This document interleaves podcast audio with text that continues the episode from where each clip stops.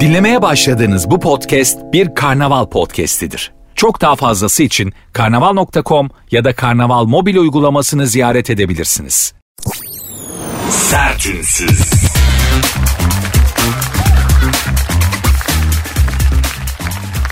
Hanımlar beyler herkese merhaba. Sertünsüz başladı. Ben Nuri Özgül. Saat 22'ye kadar beraberiz. Günün, günlerin ve gündemin bünyenizde biriktirdiği negatifi bir miktarda olsa alacağım. Yerine pozitif vermeye çalışacağım. Size düşen sadece kendinizi kasmamak, bana bırakmaktır ki cerahati negatifi yavaş çekebilirim. Günün ağırlıklı konusu günden başlığı çok önemli bir mevzu. Bülent Ersoy'un asansörlü mezarıydı böyle tasarlanmış. Yani işte hatırlıyorsunuz daha önce vefat eden babacı Allah rahmet eylesin Bülent Hanım'ın onun mezarının başındayken kabrin e, dar olduğunu görünce ben buraya sığamam. Sana özel yaptırırız demişti yanındaki abi de. Asansörlü yaptırmayı düşünmüşler. Bir buçuk milyon lira da bütçe ayırmışlar. Herhalde asansör tek yön değil mi? Yani, yani inecek ve çünkü bir daha yukarı çıkmasına gerek yok. Hani çağır tuşu değil mi? Ha, havalandırma tuşu şey asansörde kalırsanız diyafona basın görevliyle öyle şeyler olmayacaktır diye düşünüyorum. Kabre inen asansörde asansörlü kabin ilk defa duydum. Zannediyorum Avrupa'da var. Çünkü onlar ağırlıklarıyla gömülüyorlar ya yani takım elbiseyle falan gömülüyorlar. Takım elbiselere çok acıyorum ben. Yani adama çok özür dilerim 3500 dolarlık takım elbise giydirip öyle gömüyorlar. Gerek yok be oğlum. Ya gerek yok bak bize sarı, biz beze sarıp gömüyoruz. Hiç geri dönüş olmadı şikayet eden olmadı yani. Değil mi? Sonuçta toprağa ya o takım elbiseleri o kadar üzüyorum ki. Bir de tabutları böyle süngerli falan yapıyorlar. Ben gezmiştim o Avrupa'da tavut satılan yerleri. Baya böyle şey yapıyorsun yani e, sana bana şey yaptılar prezentasyon yapmışlardı. Tabutun içine girip yatabiliyorsun. Gerçekten bak çok rahat. Hani mesela şöyle e, İsrafil aleyhisselam sura üfledi kalkılacak artık herkes kalkmak gelmez içinden o kadar rahat hani herkes diriliyor ya topraktan. O an o kadar rahat ki gerçekten ya abi şimdi oh ne güzel falan diye oh ne güzel uyumuşum diye uyuturlar sizi. Diyeceğim hanımlar beyler valla işte geçim sıkıntısı dolar şu kadar oldu pazarda patlıcanın parası şu kadar oldu şu oldu bu ama günün günden başlığı Bülent Ersoy'un asansörlü mezarlığı ne haber? Ha? Trend topik olan bu buna ne diyorsunuz? hanımlar beyler. Hani ağırlıklı gündem ekonomiydi. Ya siz de bir tuhafsınız yani Türk halkı. Gerçekten. Hem geçim sıkıntısı bir numaralı gündem maddemiz bu. Bu falan diyorsunuz. Hem de bakıyorum her yerde en çok konuşulan konu. Al işte. Bülent Hanım'ın e, asansörlü mezarı bir de Devlet Bey'in, Sayın Devlet Bahçeli'nin Sayın Cem Yılmaz'a üstü kapalı attığı fırça. Verdiği ayar. Bu. E hani ne oldu hani patlıcanın fiyatı? Size de size de güven olmuyor. Bak açık söyleyeyim. Siz de öyle diyorsunuz, böyle diyorsunuz. Ama şey olmuyor böyle bu yüzden bir televizyon kanalı batıyordu. Gerçekten. O televizyon kanalının o zamanki genel müdürüyle konuşmuştum. Bunlar Amerika'dan bir şey getirdiler işte danışman. Amerikalı dedi ki işte sokağa anketörler salalım halk ne izlemek istiyor onu soralım. Program yeni kanalı da kanalı da buna göre dizayn edelim televizyon kanalını. Anketörleri salmışlar böyle binlerce insan salmışlar sokağa. Binlerce insanla on binlerce yüz binlerce insanla konuşup anket yapılmışlar. Anketin sonucu şu yani şunu soruyorlar. Hangi tür ne tür programları izlemek istiyorsunuz? %90 oranında şu cevap gelmiş Necip Türk milletinden. Eğitici ve öğretici programları izlemek istiyoruz. Amerikalı danışman demiş ki tamam abi prime time'da en çok seyredilen saatte belgesel yayınlayacağız. Çünkü halk bunu istiyor. Genel müdür kanlılar gibi yalvarıyor. Ne olur yapmayalım. Bak onlar öyle derler ama sonra giderler bilmem kaç işte aşkı memnu izlerler. Adam yengesini yürüyor falan yani. Berbat bir şey hatırlarsınız. Ve öyle onu seyrederler. Onlar eğitici öğretici program. Boş versen dinleme onları. Hayır demiş halk yüzde doksan be kardeşim böyle bir şey olabilir mi? Ne oldu sana dedim. İşte yayınladık diyor. Belgesel yayınladık. Halk eğitici öğretici program istiyor diye. E sonuç bir ayda batıyorduk abi zor kurtardık. Direkten döndük diyor. O yüzden galiba e, Nasrettin Hoca'nın fil hikayesi doğru Timur'la fil hikayesi fil fıkrası hatta doğru. Hani onu da şimdi anlatmayayım. Burada yayında fıkra anlatmak çok amatörce. Merak edin Bile, biliyorsunuzdur zaten. Bilmeyenler de Google'dan Nasrettin Hoca fil Timur diye yazsınlar. Çok manidadır bizi bugünümüzü ve bizim hal, halimizi tavrımızı tutumumuzu anlatan bir fıkradır. Hanımlar beyler sert unsuz başladı. Ben Nuri Özgül. Saat 22'ye kadar beraberiz. Programın Instagram ve Twitter adresini vereyim de bana ulaşabilin ulaşmak isterseniz. Çünkü yayına telefon almıyorum maalesef. Programın Instagram ve Twitter adresleri zaten aynı. Sert unsuz yazıp sonuna iki alt tere koyuyorsunuz. Benim Instagram adresim de Nuri Ozgul 2021. Hadi başladık bakalım. Sertünsüz. Ballı limonatayla milyoner oldu. Kim olmuş? Bakıyorum bir dakika. Teksaslı Milkaila Ulmer. Daha 4 yaşındayken büyük annesinden eski bir yemek tarifi kitabı almış ve kendi limonatasını yapmış. 11 yaşına geldiğinde Amerikalı bir içecek firması bu limonatayı satmak için bu kızcağıza 11 milyon dolar vermiş. Kız 11 yaşında 11 milyon doları var. Şimdi 17 yaşındaymış bu küçük hanım ve işte gene para basıyormuş. Kitap yazmış bir şey yazmış. Çevre koruma bilincine sahip bir insanmış. Kazandığı paradan her senede bilmem ne kadar parayı Arıları Kurtarma Vakfı'na ayırıyormuş. Düşünün babaanneyi. Babaanneyi düşünebiliyor musun? Sana bir eski böyle yırttık pırtık bir defter veriyor. Orada yemek tarifleri, limonata tarifleri var. Sen o limonata tarifini daha 11 yaşındayken 11 milyon dolara satıyorsun. Bunu duyunca ben kendi babaannemle olan yeme içme ilişkimi gözden geçirdim. Şöyle bir şey hani hatırlıyorum hemen hemen hepimizin böyleydi yani. Hani babaanne karnım aç daya patates kızartmasını gitsin. Babaanne acıktım ekmek arası kaşar ver eline gazozu yallah sokağa. Babaanne yemek var mı ver eline kuru kuru keteyi yallah gitsin. Bu bu kadar. Ama anneannem bak ama anne, anneannem gerçekten bir şef de cuisine'di. Özellikle sakatat konusunda yani meraklısı için söylüyorum bir kelle paça yapardı kendisi yapardı yani. Kelleyi paçayı kendisi yapardı böyle alırdı yüzerdi müzerdi. Yani hayvan canlansa kellesi paçası çorba yapılan hayvan canlansa anneannemi tebrik eder. Benden arta kalanlardan bu kadar güzel bir şey yarattığınız için size çok teşekkür ederim hanımefendi der. Kendi kelle paçasından da içerdi. O derece lezzetli idi sakatat konusunda. Ya eli çok yatkındı. Allah rahmet eylesin. Ama babaannem babaanne acıktım. Tak kete. Yürü gitsin. Babaanne acıktım. Bir bakıyordum ekmeğin arasında takos kadar peynir domates. Yürü gitsin. Karbonhidratı ala ala ala ala. Yeminle bu yaşa kadar iyi geldik bu kafayla. Protein ya Allah'tan hani dedem balıkçıydı da balıktan dolayı zengin deniz ürünü yedim. Zengin protein alabildim. ya Herkesin böyle bir şansı da yok. Vallahi bizim kuşak bulgur pilavıyla keteyle arkadaşlar bu kafayla buraya iyi gelebildik. Çünkü beyin de bunları sevmiyor. Yani hani karbonhidratı sevmiyor bu beyin denen şey. Bu illa bir zengin protein istiyor. Bol oksijen istiyor yani. O, o yüzden bizim kuşak buralara iyi geldi. Gerçekten iyi geldi. Şimdiki yeni neslin problemi de oksijen az. Bunların da proteini bol. Özellikle hormonlu falan ama olsun. Bunlar proteini bol buluyorlar ama oksijen soluyamıyor çocuklarda. Onların da sıkıntısı bu. Yalnız böyle bir babaannem olsun isterdim ha. Bir tarif verecek 11 yaşında her yaşım için 1 milyon 11 milyon dolar kazanacağım. Nerede öyle babaanne be? Olmadı. Kısmet olmadı.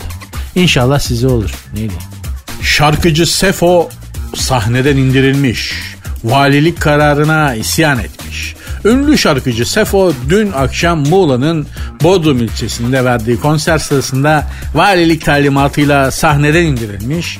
Saat 00.30'da konser sahnesinden indirilen Sefo yayınladığı video ile isyan etmiş. Sefo ben bu ülkeden çok sıkıldım diyerek karara tepki göstermiş. Ben de ben bu ülkeden çok sıkıldım çok sıkıldım deyip hala burada duranlardan sıkıldım. Bebeğim sıkıldınsa kapı kule orada. Ya kal mücadele et sıkıldın madem değil mi? Seni sıkan şeylerle mücadele et karşı duy.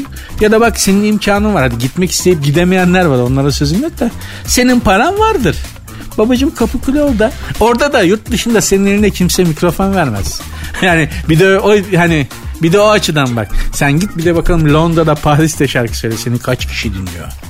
Bir de 0030'da Paris'te şarkı söylemeyi dinle. Bak burada yine efendi gibi indirmişler. Orada var ya bir indirirler bir daha çıkamazsın. Orada şey ses, gürültü, kirliliği bilmem ne o tür şeyler çok daha serttir. Çok katı kurallara tabidir. Öyle hani ünlü sanatçı, ünlü sanatçı benim hakkım bu şarkı söylemek. Müzisyenler geçine bunu hiç dinlemezler abi. 0 0 0 0 olduğu zaman o sahneden ineceksin. Kim olursan ol, ilah olsan ineceksin. Bizde ama işte öyle neyse. Ama bu kardeşimiz de haklı tabii. Hani sahneden biraz ite kaka indirdilerse alınganlık göstermekte de haklı. Sanatçı çocuk tabii sanatını icra etmeye kalkıyor. ben milletin kafasını şişiriyor muyum? Burada olanlar dışında birileri benim gürültümden rahatsız oluyor mudur diye düşünmüyor. Olabilir normal. Hiçbir sanatçı böyle düşünmez. Ee, mesela bizim benim evim iki tane açık hava düğün salonunun ortasında zaman zaman söylüyorum. Oradakiler de düşünmüyor. Halbuki yaptıkları şey sadece müzik değil gürültü. Ama bir şey söylesen müzisyenler aç mı kalsın? Ödül ödül. Biz müzisyenler aç mı kalsın dedik. Kardeşim herkes müzik, müzik yapmasın. Bu yaptığınız şey müzik değil. Gürültü. Beyoğlu'nda da öyle mesela sokak sanatçısı diye abicim bir höykürüyorlar. Sokak müzisyen olmak özel bir şeydir yani. Bunu gittik yerinde gördük. Biliyoruz da konu. Bu Beyoğlu'ndakilerin çoğu sokak müzisyeni ki Hükürmeci onlar.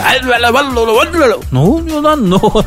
Vallahi kavga çıktı zannediyorsun. Ama müdahale etmeye kalksa mesela zabıta ne yapıyorsunuz? Gürültü yapıyorsunuz diye. Sanatçıya dokunulmuyor. Sanatçıya bu ülkede kıymet mi? Evladım sen sanatçı değilsin. Sen böğürüyorsun falan filan desen ah, onu da anlamazlar.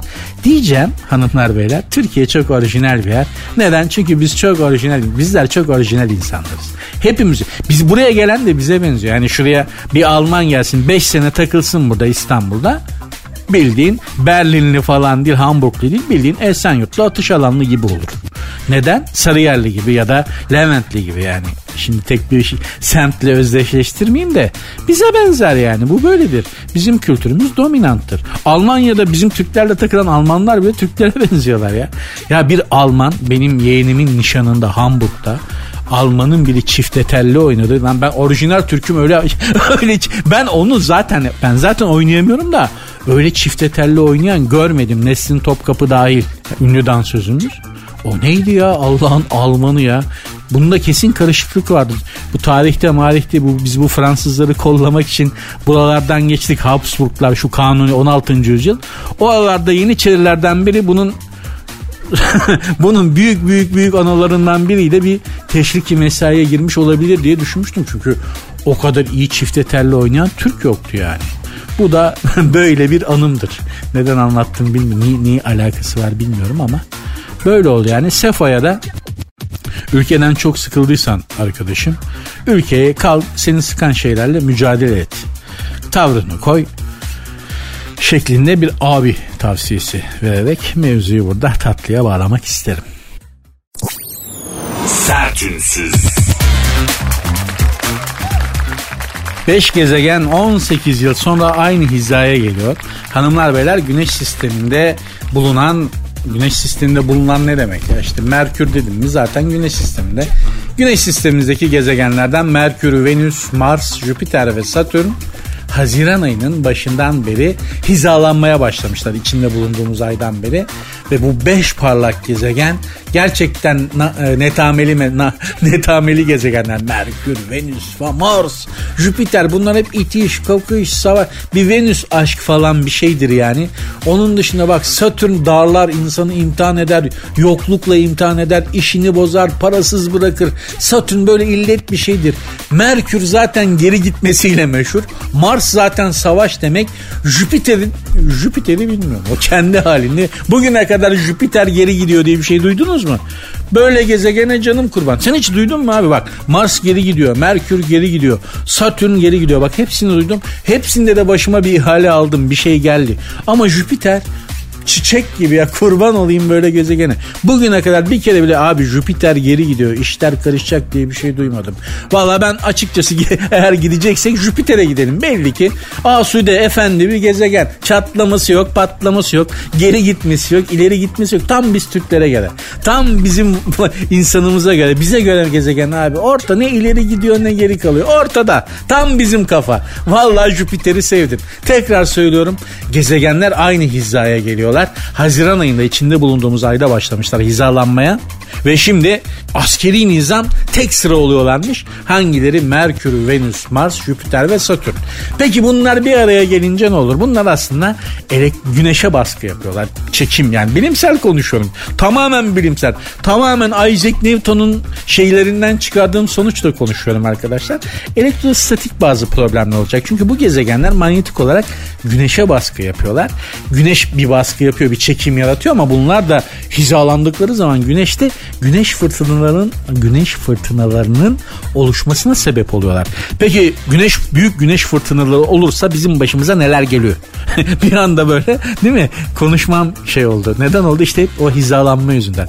Elektrostatik problemler yaşayacağız arkadaşlar. Yani neler gelebilir başımıza? Mesela internet gidebilir.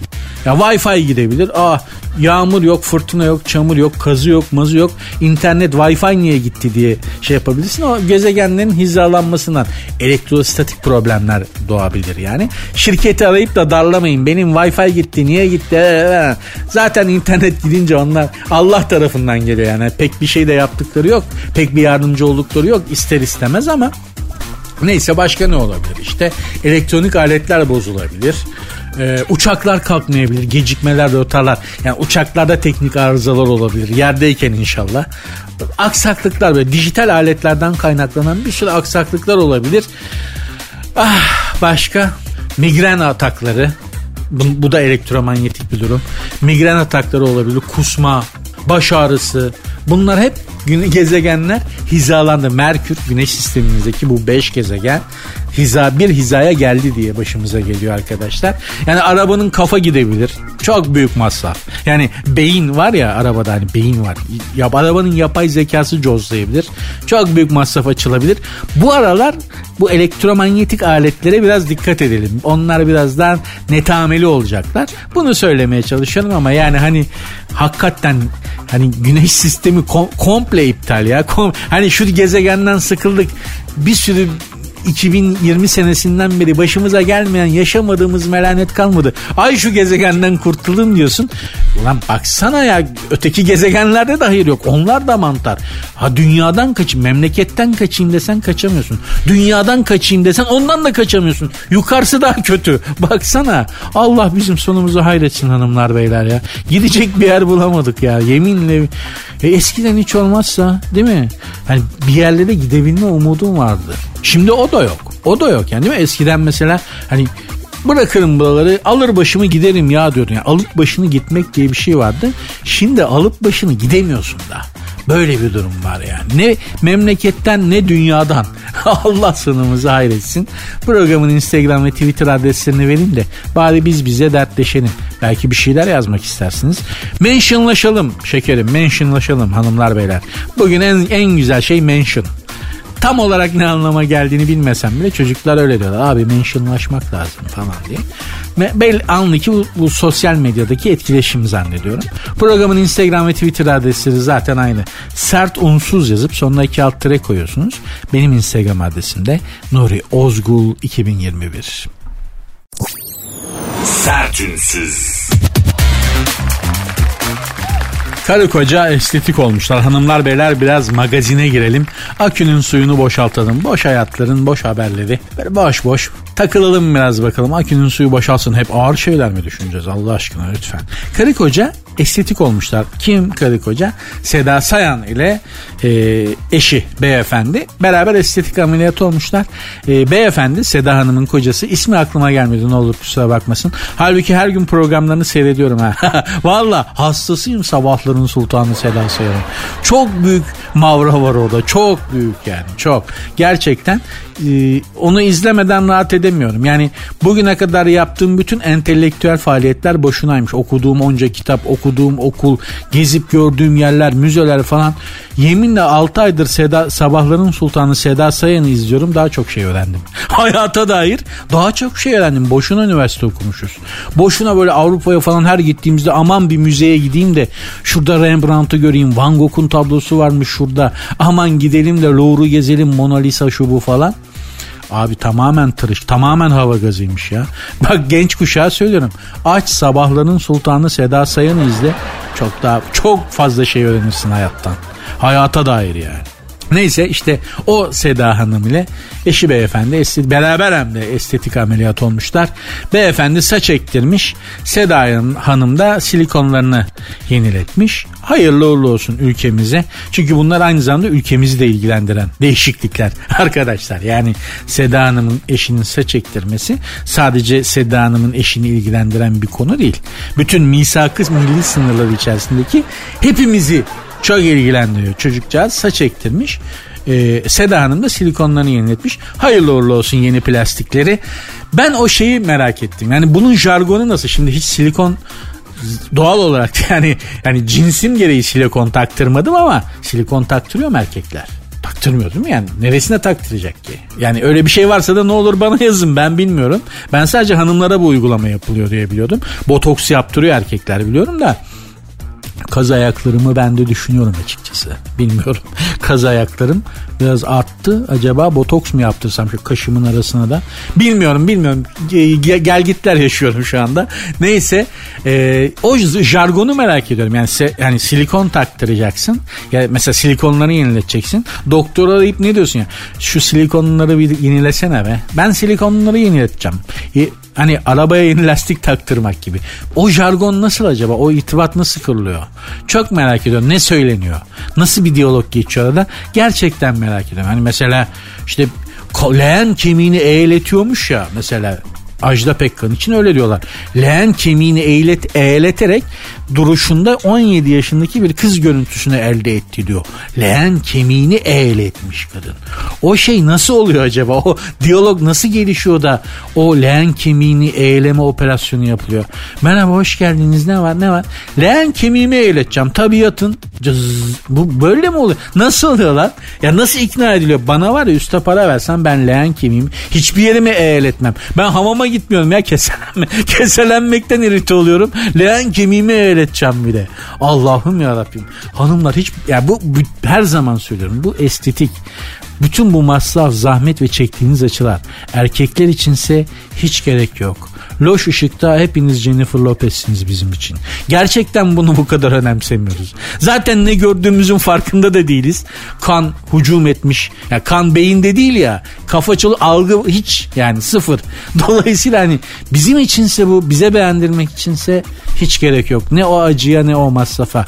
Ama kendinizle barışık olmak istiyorsanız sizin bedeniniz sizin tercihiniz. Kim karışır? Ona söyleyecek bir lafımız yok efendim. Evet güzel bağladım tatlı bağladım. Evet neymiş? Aa şey evleniyormuş. Bakayım bak burada hemen şeyini de duyduk. Ee, neydi o? Bu duyduğunuz ses kendisinin e, stüdyo izleyicisinin haberi aldığı zamanki coşkusu. Ee, yapıyorlar. Ee, efendim söylüyorum. Müge Anlı evleniyormuş efendim. Gözünüz aydın. Müge Hanım'ı inşallah bundan sonra daha az asabi görürüz. Evlilik biraz daha sakinleştirir kendisini. Bazen çok geriliyor. Bazen çok yükseliyor. Müge Hanım ya bazen hakikaten diyorum aa şimdi baltayı çıkarıp sıradan dalacak diyorum. Bir de hani sarışın, latif, hoş bir hanımefendi. O birden böyle Game of Thrones ejderhasına dönüyor kadın ya. Acayip bir dönüşüm yaşıyor. Çok bir anda bir metamorfoz geçiriyor. Azrail gibi oluyor valla. Diyorum ya aa şimdi baltayı keser sapını çıkarıp dalacak bunlara diye. Düşünmeden edemiyorum. Neyse Allah mutlu mesut etsin Müge Hanım'a. Ee, aynı kurumda da çalışmıştık. O zamanlar kendisi bir magazin muhabiriydi ama e, bu işlere bakmıyor henüz. Gencecikti de. Biz de o zamanlar gençtik tabi. Ee, eşi damat e, e, damadımız biz damat oluyor biz kız tarafı olduğumuz için. Damadımız İstanbul Asayiş Şube Müdürüymüş Şinasi Bey. İstanbul Asayiş Şube Müdürü. Zaten damadın aşık olduğu da e, İstanbul'un asayişinden belliydi. İnşallah müdürüm evlendikten sonra biraz daha değil mi? İstanbul. Yani İstanbul'da şu an kan gövdeyi götürmüyor asayiş derken bir eleştiri getirmiş olmayayım da ya İstanbul'un da Teksas'tan bir farkı kalmadı. Müdür müdürüm biraz da hani Allah mutlu mesut etsin düğünden sonra biraz sert çalışın lütfen ya. Polislikte böyle bir deyim var. Sert çalışmak. Biraz sert çalışın şu denetlemeler falan. Vallahi billahi millet emanet full emanet geziyor millet. Kelebek, sallama, çavuk, çakı, şiş, tabanca. Allah emanet geziyoruz müdürüm. Lütfen yani şimdi düğün üzeri sizin canınızı da sıkmak istemem ama yani imkanımız olsa gelip çeyreğimizi de takardık nedir yani. Ama yani Allah mutlu mesut etsin. Yani arada bizim şeyde de ilgilenirseniz çok sevinirim müdürüm. Arz ederim. Şinasi müdürüm. Allah mesut etsin. Ee, sayın müdürüm. Sayın Müge Anlım. Neyse. Tövbe estağfurullah. hadi devam ediyoruz hadi. Sertünsüz. Bayram tatili yolunda fiyat da talep de yüksek. Bayramda en ucuz otobüs bileti 120 lira. Ucuz. 120 lira otobüs bileti. Şu andaki ekonomide ucuz. Daha ucuzdu eskiden hatırlıyorum. O zaman da çok ucuzdu be abi. Gerçekten çok ucuzdu. 120 lira gene yani iyi. En pahalı ise 900 liraymış. 900 lira evet yani uçak şeyine geliyor. Neresiymiş 900 lira otobüs? Bakayım İstanbul Van en uzak mesafe sayılıyor zannediyorum değil mi? 900. E yani evet İstanbul'dan Van'a uçakla gitmeye kalksan ne kadara gidiyorsun acaba? Van'a uçak iniyor bildiğim kadarıyla. Yazmamışlar. Diyarbakır'a 1550 lira. Ha Van'a yazmışlar. 3250 lira. Oo. Hem uçak bileti pahalı hem otobüs bileti pahalı Van'ın. Van Allah sabır versin abi size. İstanbul'a gelip ne yapacaksın zaten? Van daha güzel vallahi. Kal orada abicim. Biz imkan olsa da biz Van'a gelsek gelemiyoruz. Baksana 3250 lira uçak. Otobüsü de ben çekemem 19-20 saat abi. Yani aynı sürede Avustralya'ya gidiyorsun uçakla. Anlatabiliyor muyum? Lütfen. Bakalım bir fiyatlara. Otobüs fiyatlarına İstanbul Ankara 350 iyi. İyi valla. İstanbul İzmir 500. Yani olur. Ol, bak çok fahiş değil gerçekten değil. Ki bence zarar ediyor otobüs firmaları bu bu fiyatlarla hala zarar ediyorlar bence. Eskiden de zarar ediyorlardı. Ee, İstanbul Rize 675 çok çok bilmiyorum. Şu gözümün önüne haritayı getiriyorum. İstanbul Rize. Ha bir de İstanbul'dan Rize yani niye gideyim? Yani ne yapacağım? Rizeli değilsem değil mi? Yani İstanbul Rize 650 lira. İstanbul Van 900 çok dedik. İstanbul Diyarbakır 600 olur. Diyarbakır güzel gezilecek yer abi. 600'ü verir giderim param olsa. Gerçekten Diyarbakır 9000 yıllık şehir abi. 9000 yıl ya. 9000 yıldır insanlar yaşıyor orada. Muazzam bir yer. Açık hava müzesi. İnşallah her yerini gö- rahat rahat gezip görme imkanımız olur. Diyarbakır'da artık zenginleşir yani turizmle. Bunu çok hak eden bir yer. Her yerinde gezip gördüm. Yani oradan biliyorum. Biliyoruz da konuşuyoruz. Diyarbakır'ın her yerini gezip gördüm. Askerliğimin önemli bir kısmını orada yaptığım için. İstanbul Erzurum 600 artık bunlar da olacak abi yapacak bir şey yok. Uçak fiyatlarına bakalım bence. İstanbul Ankara 550 lira uçak. Çok ucuz. Vallahi çok ucuz. Şimdi benzin fiyatlarını gözünüzün önüne götürün. Hangi mancınıkla mı atıyorlar acaba? Hani havayolu dediği de hani bu uçak olamaz 500 lira. 550 lira. Hani mancınığa koyup fırlatıyor olmaları lazım. Öyle yapsalar gene Hani buradan koyuyorlar mancına ipi bir kesiyorlar. Şişt, Kızılay'dasın. Ne güzel olur ama. Keşke öyle bir şey olabilse. Ankara deyince de yani Ankara'ya ne kadar şey değil mi? Aklıma bir tek Kızılay geliyor. Halbuki Ankara'nın yükselen yıldızı Pursaklar. Otobüste havaalanından geçerken gördüm o Pursaklar çok böyle şey bir yerde. Hani kentin en dışında çok bakımsız hizmet gitmiş gitmemiş böyle bir yerde. En son uzun bir aradan sonra Ankara'ya gittim. Pursakları bir gördüm. Dedim olala. Adeta bir Saint Germain bulvarı. Adeta bir Şanzelize. Gerçekten Ankara deyince artık Kızılay, Ulus, Mulus, Çankaya onlar eskide kaldı abicim. Pursaklar. Değil mi? Yükselen yıldız Pursaklar. Başka böyle semtler de vardır. Tam hakim değilim ama ben bir de karga sekmez tarafını biliyorum. Motosiklet sürerdik orada. Ben Ankara'ya gittiğimde arkadaşlarla. Oradan biliyorum. Yoksa Ankara'nın yabancısıyım. Daha doğrusu hani pek gönlüm yok. Ankara'ya şehir olarak ısınamadım. Ankaralıları çok severim. Ankara'da çok arkadaşım var. Bayılırım ama e, Ankara'yı şehir olarak pek sevmemişimdir. Tunalı Hilmi bana en yakın gelen Ankara'da. Yani Tunalı Hilmi çok asude bir yer gibi gelir bana. Cool. O kadar abi. Mesut olabildiğim yerler belli yani. Bir de aşağı ayrancı çok asude bir semtte eskiden. Çok böyle İstanbul Levent gibi bir yerdi. Şimdi orası da cozutmuş. Neyse bizi ilgilendirmiyor. Bakalım İstanbul Trabzon 1550 lira. Eh, pahalı be. Yani eskiden İstanbul'dan Trabzon'a 500 liraya gidiyorduk. Ne güzeldi. 3 kat artmış. Ama İstanbul Ankara 550 lira ucuz. Yani İstanbul Ankara uçuşunu biliyorsunuz. Uçak kalkıyor iniyor. Yani kalkıyor düzeliyor sonra tekrar burnunu aşağı veriyor Ankara'ya iniyor. Bu kadar yani 550 lira verilir.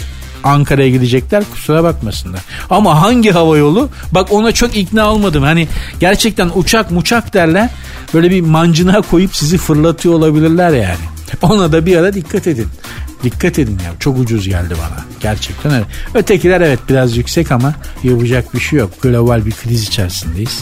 Ee, Avrupa'da da benzin fiyatları çok arttı. Avrupa'ya göre. Yani onların kendi ölçülerine göre de çok arttı. Bunu da söylemek lazım. Bizdeki tabi bizdeki artmak değil. Hani bizdeki şey hani Poseidon denizden çıkar ya böyle diye. Bizde öyle bir şey oldu. Bizimkisiyle ölçülemez ama hani orada da çok yükseldi gerçek. Suudi Arabistan'da bile benzin pahalı be kardeşim. Suudi Arabistan'da ya. Düşün yani. Sertünsüz. İntikam Azmi. İntikam Azmi, Azmi adında bir adamın lakabı ya. İntikam Azmi bu haberin başlığını kim attıysa Güzel isimmiş ama değil mi? Azmi diye birini düşünün. Çok kindar biri böyle. Hiç kimseyi affetmiyor. Kendisine yapılanı kimsenin yanına bırakmıyor. Adı İntikam Azmi. Güzelmiş. Bir dizi karakteri ismi olarak da hoş İntikam Azmi. Lakapla isim arasında ulama da var. Sessiz harfle bitip ses. Yani niye bu kadar detay veriyorum ki? Ulama falan filan uzun hikaye. Neyse İntikam Azmi dediğim gibi bir insan değil bir olay. İngiltere'de sevgilisinin kilolarıyla dalga geçtiği Helena Hara önce onu terk etti. Doğru yapmış. Aferin Helena'ya. Hırs yapmış.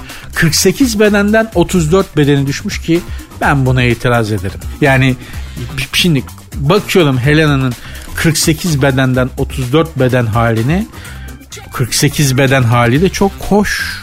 34 beden hali de çok hoş.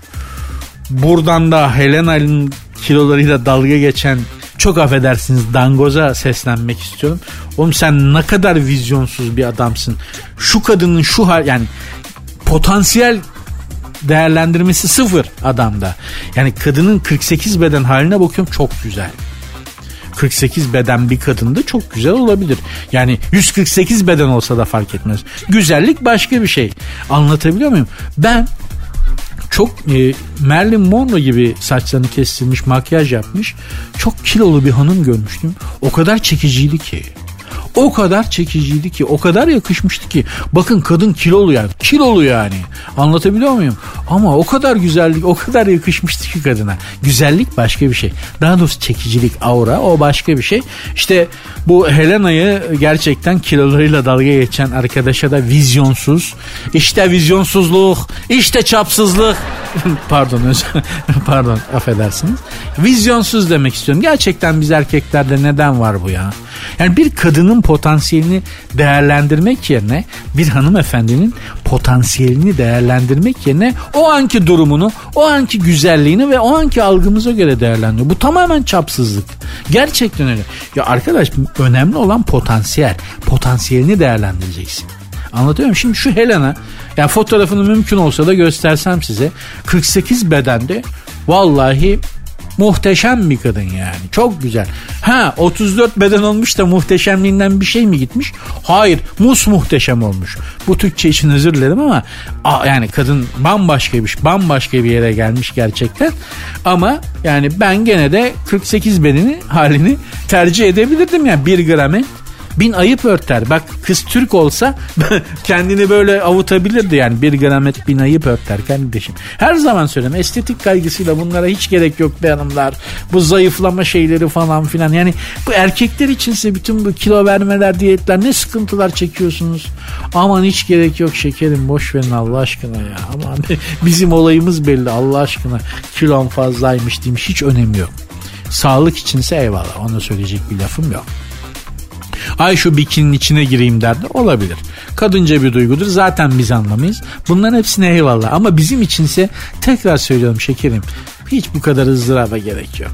Hiç bu kadar ızdıraba gerek yok. Gideceksin kırmızı gece lambası alacaksın. Yatak odasına takacaksın. Bitti. Bitti. Jennifer Lopez'sin. Bitti. Yeşil almayın yalnız. Bütün libidal duyguları sönümlendiriyor yeşil gece lambası. O o, o olmuyor. Kırmızı, kırmızı, turuncu, kırmızı bunlara oynayalım. Mor da çok depresif. çok ona da yani parmağın hiç hayattan caydırıyor. Ee, kırmızı turuncu bunlar olur. Olur. Sertünsüz.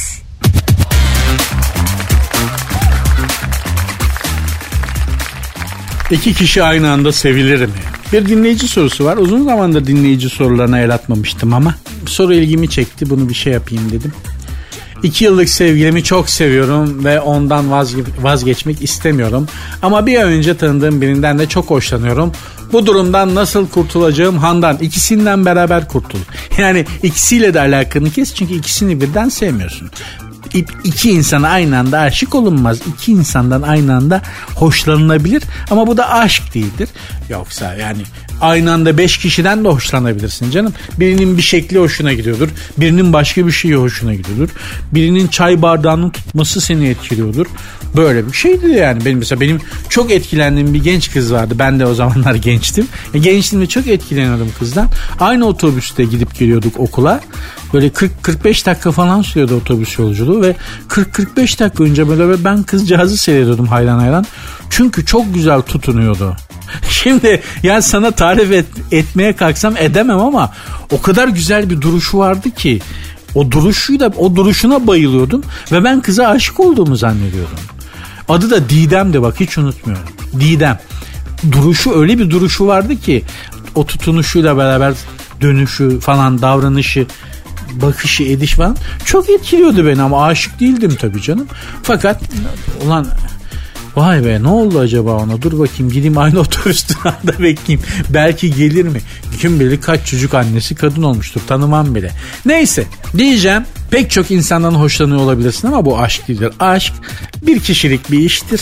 Adamın canını okur hayatını da bir kere yaşarsın. Hani bir daha aşık Aa, olamazsın. Ona yakın şeyler yaşayabilirsin. Hatta aşık olduğun insandan nefret edebilirsin. Başka birini çok sevebilirsin. Ama aşk bir kişiliktir ve bir kere yaşanır. Ve hayatında bir kere olur. Bir daha öyle yanamazsın. Aşk bir yanma durumu. Neyse ben de işin kompetanıymışım. Çift leblebi gibi çifte kavrulmuşum aşktan gibi konuşuyorum ama yani başımızdan geçti bunlar bizim de. Dolayısıyla hani çok fazla şey yapma. Hani iki kişiden hoşlanıyorsan bu şu demektir. ikisine de aşık değilsin. O yüzden durumdan kurtulabilirsin. Başka bir soru daha var. Ee, iki ki aha, biri ha yok o sorunun devamıymış pardon. Biri yakışıklı, eğitimli ve bana çok önem veriyor. Ha tanıştın. Diğeri zengin, beni hayatımın sonuna kadar rahat ettirebilir. Sizce hangisini seçme? Ha sen bir kadınsın. Biri yakışıklı, eğitimli ve bana çok önem veriyor. Diğeri zengin ve beni hayatımın sonuna kadar rahat ettirebilir. Sizce hangisini seçmeli? Zengini seç. yani şöyle. Çünkü neden? O aşk bitecek ve e, o zengine hissettiğin şeyler gibi hissedeceksin aşık olduğun insana da. Tamam mı? Yani benim babaannemin evdeki evin bütün ailedeki bütün bekar genç kızlara önerisi buydu. Kızım evleneceksiniz zengin adamla evlenin yan. Ama işte teyze aşk meşk başlatma aşkından yavrum. Zengin adam alın diyorum size aman öf aşk diyor hala aptal falan deyip böyle şey evleneceksen zengin adamla evlen diye. Eski kadın bak 1927 doğumlu bir hanımefendiydi. Üstelik İstanbulluydu da. Onun tavsiyesi buydu. Alacak evleneceksin zengin adamla evlenin kızım derdi. Çünkü aşk meşk hepsi hikaye oluyor falan diye. Sonunda anlatıyordu. Ben de onun söylediğini söyleyeyim yani. İlla birini seçeceksen cukkası sağlam olanı seç. Ne diyeyim yani devir böyle. Eskiden olsa 1970'te olsak çok başka bir şey söylerdim. Aşkın sevginin peşinden git derdim de artık öyle bir devirde değiliz yani. Parayı göreyim orada öleyim devri şu anda. Ne yapayım ben de ancak ona göre bir şeyler söyleyebiliyorum yani. Bu arada soruyu yazın da bir erkek zannediyordum. Kadın çıktı iyi mi? Allah'ım ya Rabbim. Nereye gidiyoruz? Bana yazın nereye gittiğimizi. Instagram ve Twitter adreslerim aynı. Sert unsuz yazıp sonuna iki alt tere koyuyorsunuz. Benim Instagram adresim de Nuri Ozgul 2021. Sertünsüz. Ali and Deniz Bulut bana bir mesaj iletmiş. Diyor ki Nuri abi trafikte ayna kullanmayan e, nokta noktaları orada bir hakaret var. Trafikte ayna kullanmayanları ne yapacağız onlara ne diyeceğiz diye e, onlara da iki kelam eder misin demiş.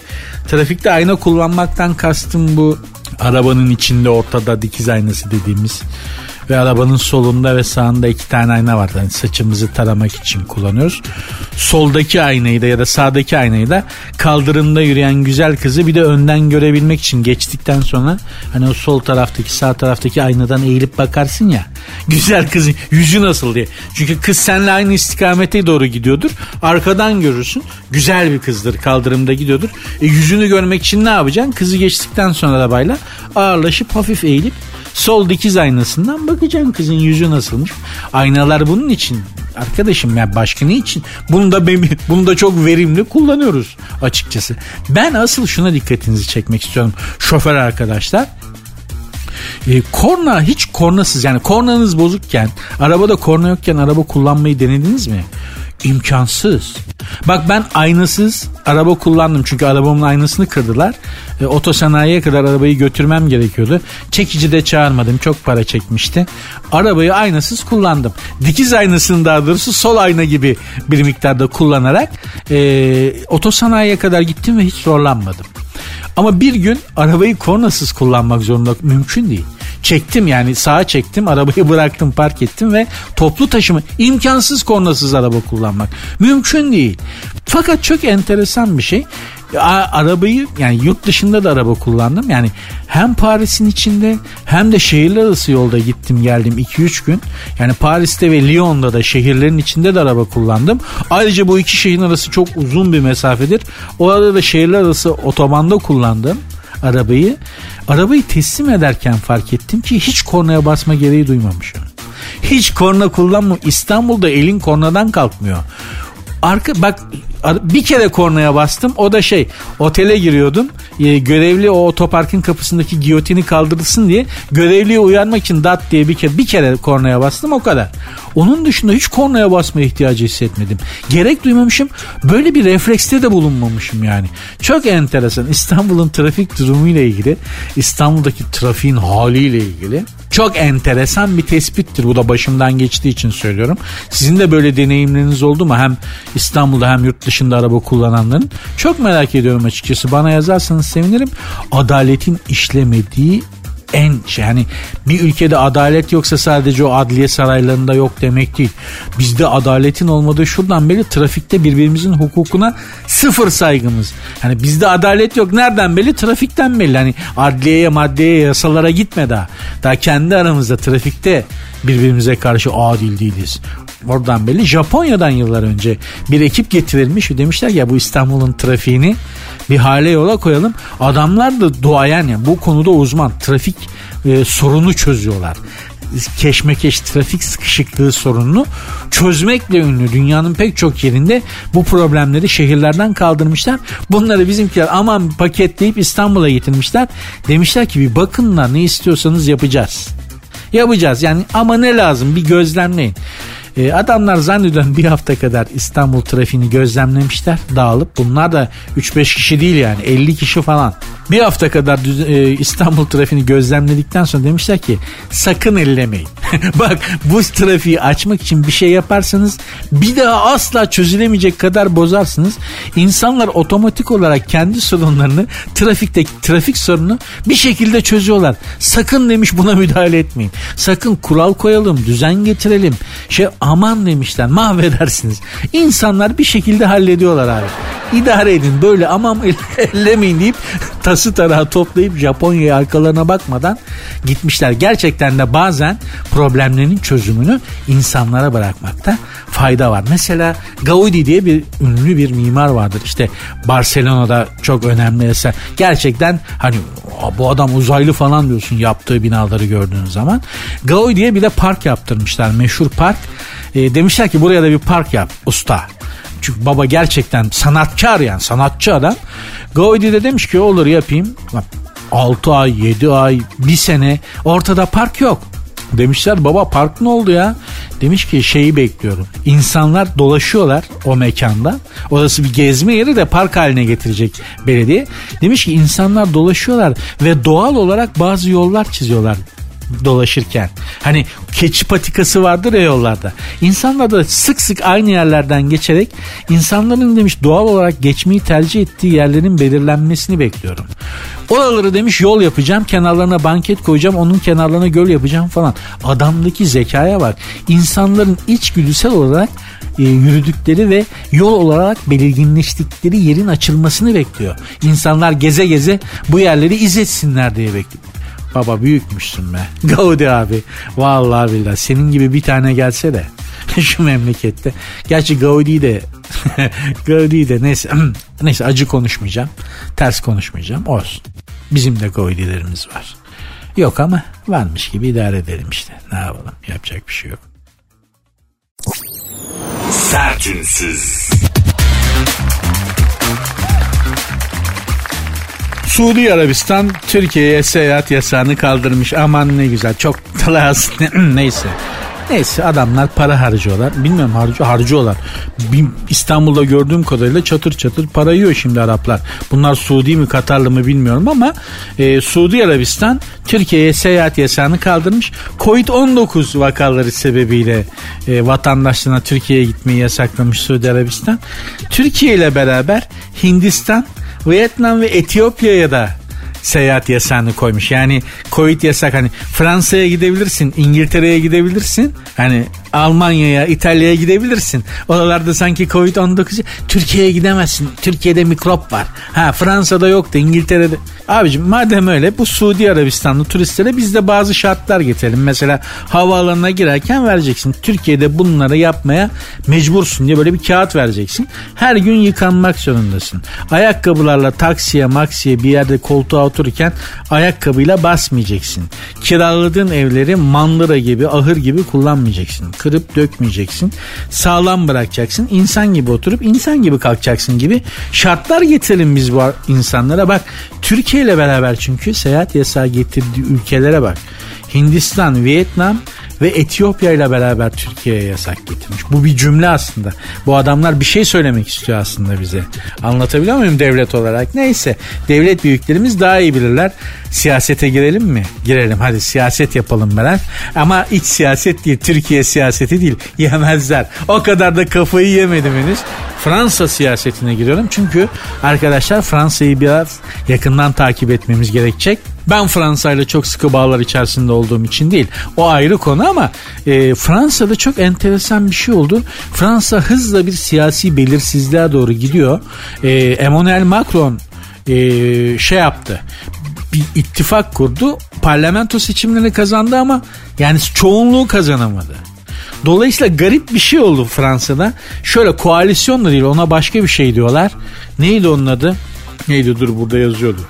Ee, bir yerde yazıyordu yani. Ha şey kohabitasyon kohabitasyon diyor. Biz ilk defa diyoruz. Biz koalisyonda kaldık. Bu kohabitasyon şöyle o koalisyon kurmayacaklar ama dışarıdan destek alacaklar.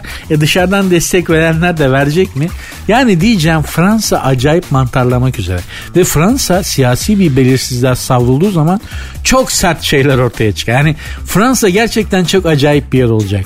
Bakın eğer bu siyasi belirsizlik devam ederse var ya Fransa'yı seyredip seyredip güleceğiz falan yapacak. Ben yapacağım şahsen. Onlar bize gülerken iyi miydi? Hele bu Emmanuel Macron az bile kerataya. Onu söylemeye çalışıyorum. Yalnız şöyle Macron diyor ki artık reformları geçirip geçiremeyeceğimi bilmediğim bir parlamenton var.